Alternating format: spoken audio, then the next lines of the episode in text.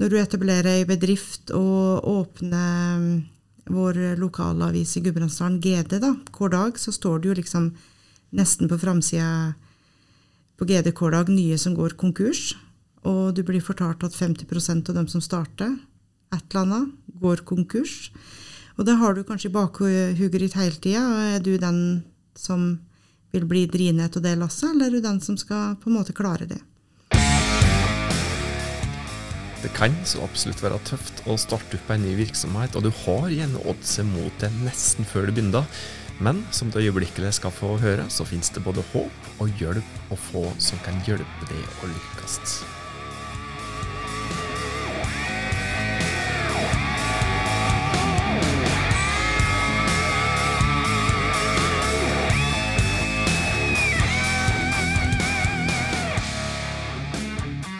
Velkommen til Hauspodden.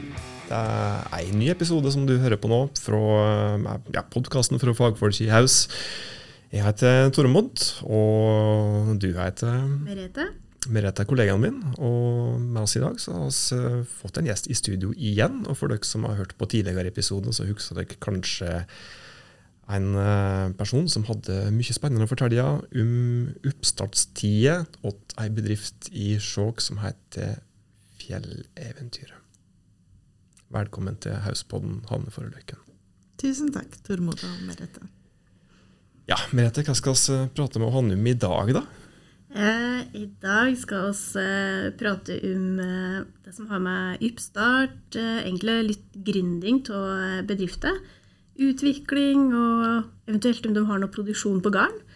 Eh, så ja, kan jo det også var jo gjennom historier før episoder, som var jo gjerne eh, fin og spennende. Og der, så, der du fortalte at eh, hele familien var med og på en måte gründa eh, det som nå er fjelleventyret.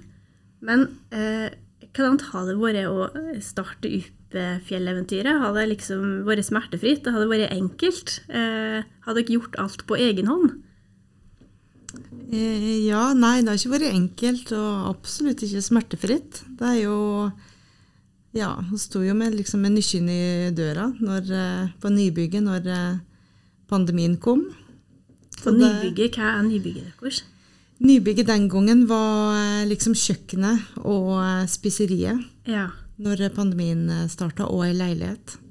Så så det skulle liksom serve oss med et par ekstra senger og tilby mat. Og, ja, og kjøkkenet, da, som oss eh, skulle også starte litt eh, lokal produksjon av mat. da.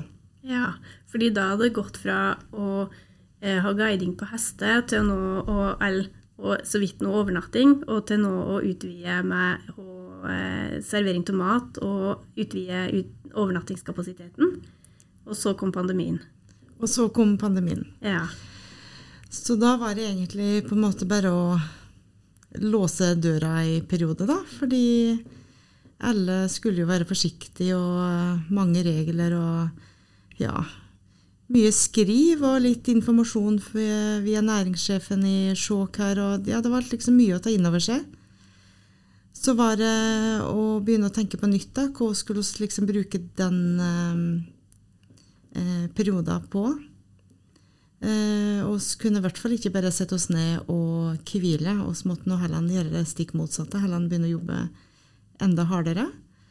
Um, så da var det kanskje å eh, begynne å jobbe litt mer med nettsida. Få oss på booking.com, få oss på enda flere plattformer.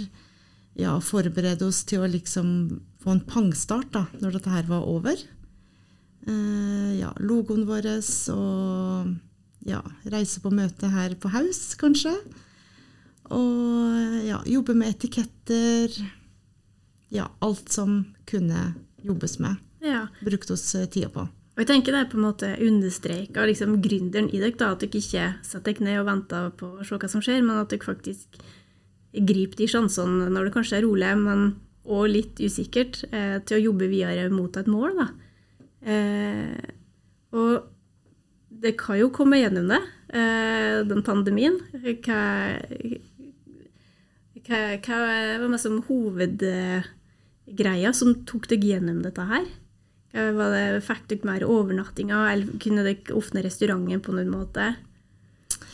Ja, um, jeg tenker liksom mat må en alltid ha, da, uansett om det liksom er pandemi eller krig eller hva som skulle skje i verden.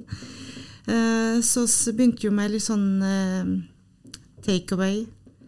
Fredagshygge. Prøvde å velge noen ord som på en måte kanskje bare kunne være fjelleventyret sine, som en kunne relatere til oss. Så begynte liksom en del på Instagram og Facebook på ja, fredagshygge, og at du kunne hente det, og, og at vi tilbød oss å kjøre ut. da, og eh, ja, Med munnbind og leveranse. Og dette fikk vi jo egentlig ganske god respons på. Og det var egentlig ikke noe like, hokus eh, pokus-mat. Det var liksom egentlig rett og slett bare heimelaga mat som du bare kunne få levert på dør, rett og slett. Men eh, jeg tror kanskje det var mange som syntes det var det var fint og ok når ingen andre ting skjedde og han ikke kunne reise ut. Og ja, så kunne nå husmødrene ta seg i kokkepause. kunne de få litt på dør isteden. Så det hadde oss jo kjempegod respons på. Og så eh, produserte vi jo eh, hjortepølsa vår og reinsdyrpølsa vår av alt overskuddskjøttet fra eh, fra jakta oss driver med. Der de edle delene går inn på fryseren til gjestene våre, og eh, resterende går til produksjonskjøtt og spekepølser. Og så begynte vi å lage einrøkte ørret, som vi så egentlig ble ganske fort eh, utsolgte for. Og så ja, da blir det noen produkter, og så da må man på haus og få lagd noen nye etiketter. Og eh, ja, så må man da jobbe mot Mattilsynet, som da skal gi nye godkjenninger eh, per produkt. Eh, og det er jo både ei papirmølle og en prosess. Så brukte vi ganske mye tid på det. Og ja, har liksom ferdigstilt kjøkkenet vårt og, og liksom har godkjent hele den kjeda der, da. Jeg kan jo understreke at eh, Jeg pratet om sist gang at du, i den forrige episode at du, eh, du hadde rause tipset om, eh, for å holde gjestene litt lengre. Men jeg vil jo påstå at de takeaway Eller når du tilbød takeaway, så var det jo rause porsjoner. Som, som, som, smakte helt fantastisk. Det kan jeg jo bare skrive under på. Så, så det, det jeg tenker jo dere å bygge mye eh, omdømme på, på, det dere gjør. Eh, ved, å, ved, å, både tilby eh, takeaway, som, som, sikkert var ganske kjærkomment i en slik periode når folk satt hjemme og ikke hadde muligheten til å reise, reise noe sted. Eh, men etter hvert så åpna det jo opp eh, eh, igjen, og du kunne få gjester inn i spiseriet. Mm. og så har dere vel bygd på enda mer. Ja, som spygget på Endeberg. Ja. ja. det var 30 sitteplasser i spiseriet. Og vi har um, ikke et ønske om å bli store.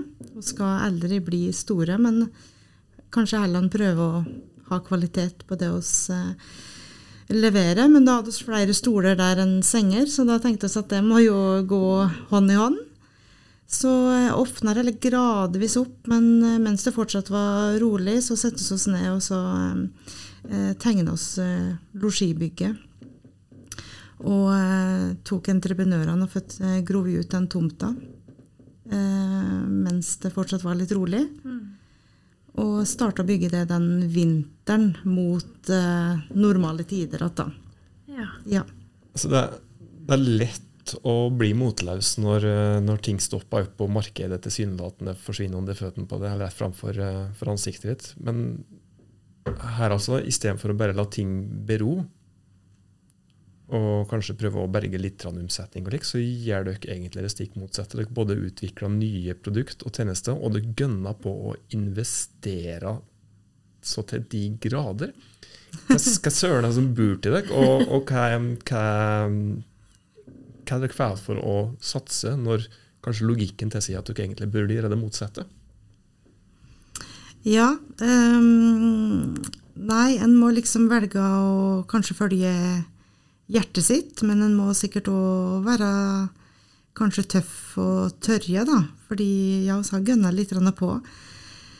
Eh, samtidig så vil vi jo skjønne at uh, utenlandsreiser ikke var det første som uh, ville møte oss den sommeren losjiet åpna. Og det, der hadde vi jo rett. Det ble jo en norgessommer til de grader. Så der fikk vi jo en pangstart. Og, og jeg klarte akkurat å åpne losjiet siste helga i mai. Uh, og da var det først uh, Det var fullt hver natt uh, hele den sommeren. Og alle skulle ri, og Ja, det var liksom like Ja, det var virkelig norgesferie på rett. Det var nesten så det var stormkjøkken ute på plenen, og de pakka opp asker for å sporte den i lom. og alle skulle liksom bare være ute på alle slags nivå. Så det, det er en rekordsommer som var ekstremt artig, og en sommer hos kanskje aldri vil få tilbake. Alt dette der kosta. Um, jeg vet ikke om vi skal gå litt tilbake til start. Det med sånn prosessen med tanke på hvordan dere fikk oppbacking og litt slik. Uh, for En kan ikke gjennomføre alt på egen hånd. En må ha litt hjelp fra, fra det såkalte virkemiddelapparatet underveis, slik at en kommer seg opp og går. Ja. Um, det er jo veldig veldig vanskelig, og dette har jo vært en like, stor verden som en liksom har um, lett etter svar og lett etter uh, ja, alt fra ting en kan søke på, og støtte alt mulig der. Var oss nok veldig forvirra lenge. Syns kanskje ikke oss fikk den oppbackinga lokalt som oss uh, følte oss kanskje kunne få i periode. Uh, men så var vi på et uh, etableringskurs gjennom Skoppå. Og Skoppå har, har ført oss veldig tett i mange, mange år nå, og følger oss veldig, veldig tett enda. Der er et par eh, personer som er ekstremt dyktige og, og gir oss veldig veldig gode tips For for kort steg hos eh, tek. Så, så vi bare ringer dem i ny og ne, og vi har god dialog med dem. og eh, når vi var på det nivået, så syns de kanskje at vi burde ha gjort det og det. Og neste nivå og neste nivå. Og veldig veldig gode til å skrive søknader for for bedrifter opp mot Innovasjon Norge. Og nå er vi akkurat i kontakt med dem igjen uh, i forhold til at du kan søke støtte i forhold til hva til vekstgrad uh, du er i. da. Og nå er jo fjelleventyret i en veldig god vekstgrad. Der Skoppo skal gå inn og, og løfte fjelleventyret enda et hakk til. Mot Innovasjon Norge i vekstgrad 3, som det heter da. Og det er veldig veldig spennende. Så det er jo en vekstgrad um, Ja, hvordan skal en ordlegge dette? Det er en vekstgrad som er veldig, veldig hard. Fordi når du etablerer ei bedrift og åpner um, vår lokalavis i Gudbrandsdalen, GD, da, hver dag, så står det jo liksom nesten på framsida på GD hver dag nye som går konkurs. Og du blir fortalt at 50% av dem som starter et eller annet, går konkurs. Og det har du kanskje i bakhuget ditt hele tida. Er du den som vil bli drinet av det lasset, eller er du den som skal på en måte klare det?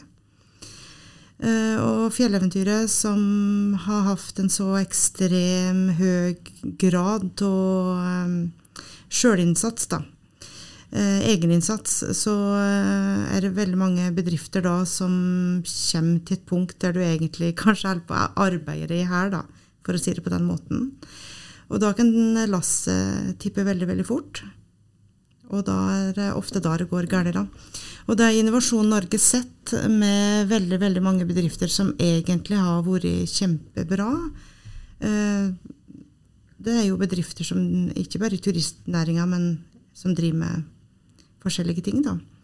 Eh, der de nå går inn eh, og kan tilby vekstgrad N, veldig i en startfase, vekstgrad 2 når du er litt større, men du skal samtidig da vise til eh, økt eh, omsetning innen så og så mange prosent innen tre år.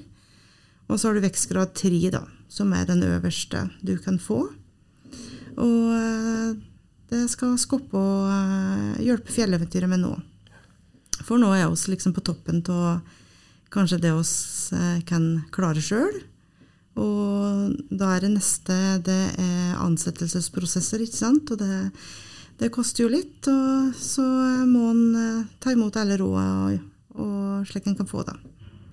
Dette her med disse vekstgradene som du nevner på, altså Innovasjon Norge har jo da Det er jo ikke bare ei støtteordning som de kan tilby, det er jo fryktelig mange støtteordninger, og det er en jungel som du kanskje må være inne på, mm. som er fryktelig vanskelig å, å navigere i.